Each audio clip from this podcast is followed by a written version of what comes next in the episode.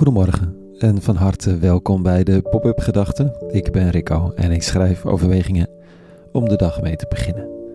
Vandaag met de titel Staan als een huis. Pop-up Gedachten donderdag 1 december 2022.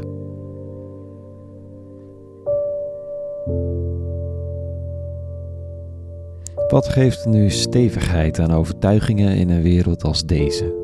Vandaag denken we dit Morgen moeten we er excuses voor maken. Morgen denken we te weten wie we zijn. Overmorgen zitten we bij een psycholoog een verwrongen zelfbeeld recht te breien. Zo kan het gaan, toch? Hoe weet je iets zeker? Ik schreef met Bram Kalkman en Gerco Tempelman een boek Onzeker weten. Dus qua zeker weten hoef je van mij niet zo heel veel te verwachten. Maar er is wel een weten in alle onzekerheid van het leven is er toegang tot weten, tot een geworteld bestaan dat niet bij de eerste rukwind uit het plaveisel wordt getrokken, zoals sommige bomen hier in Amsterdam. Een weten dat niet pretendeert alles te weten, want dat is een kwetsbaar weten in zichzelf. Er komt altijd nieuwe kennis. Het is een weten dat verandering omarmt zonder van zijn stuk te raken. Staan als een huis, onzeker, weten. Jezus zegt vandaag dit. In die tijd zei Jezus tot zijn leerlingen: Niet ieder die tot mij zegt: Heer, Heer, zal binnengaan in het koninkrijk van de hemel. Maar ieder die de wil doet van mijn Vader die in de hemel is.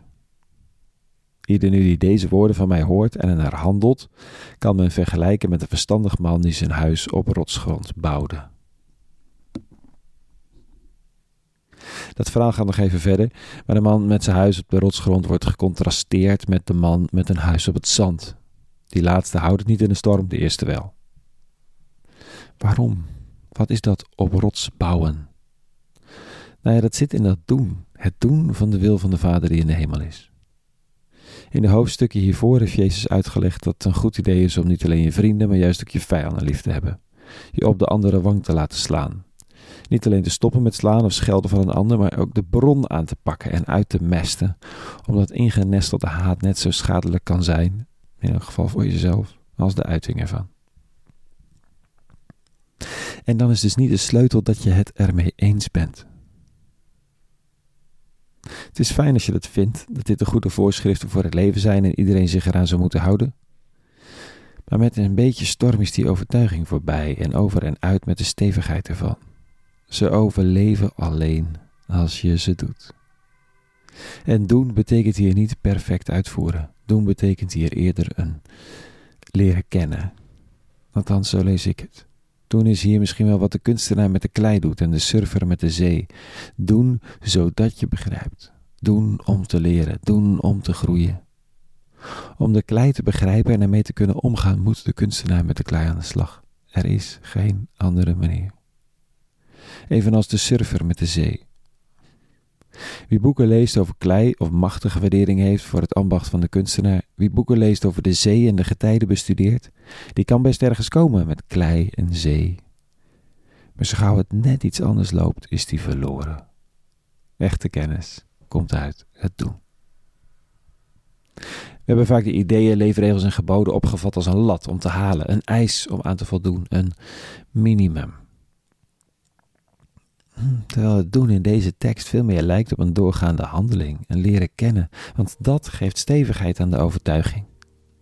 Ik bedoel, vind je dat liefhebben je leefregel moet zijn en moppert je geweten dat je je niet aan je eigen idealen houdt? Oh, je geweten is zo'n storm trouwens, hè? Die heeft al menig huisje omvergeworpen met zijn cynische gekakel. In elk geval, als liefhebben je voorschrift is en je geweten je aanklaagt, is het niet zaak om minder overtuigd te worden van de noodzaak en de mogelijkheid van liefde, maar om het liefhebben ter hand te nemen als de schilderde penseel en de verf. Kijken wat er kan, wat er mogelijk is. Oefenen, dag in, dag uit. Totdat het materiaal aan jou onthult wat de mogelijkheden zijn. Dan begin je ergens te komen. Tot zover vandaag. Een hele goede donderdag gewenst en vrede. En alle goeds.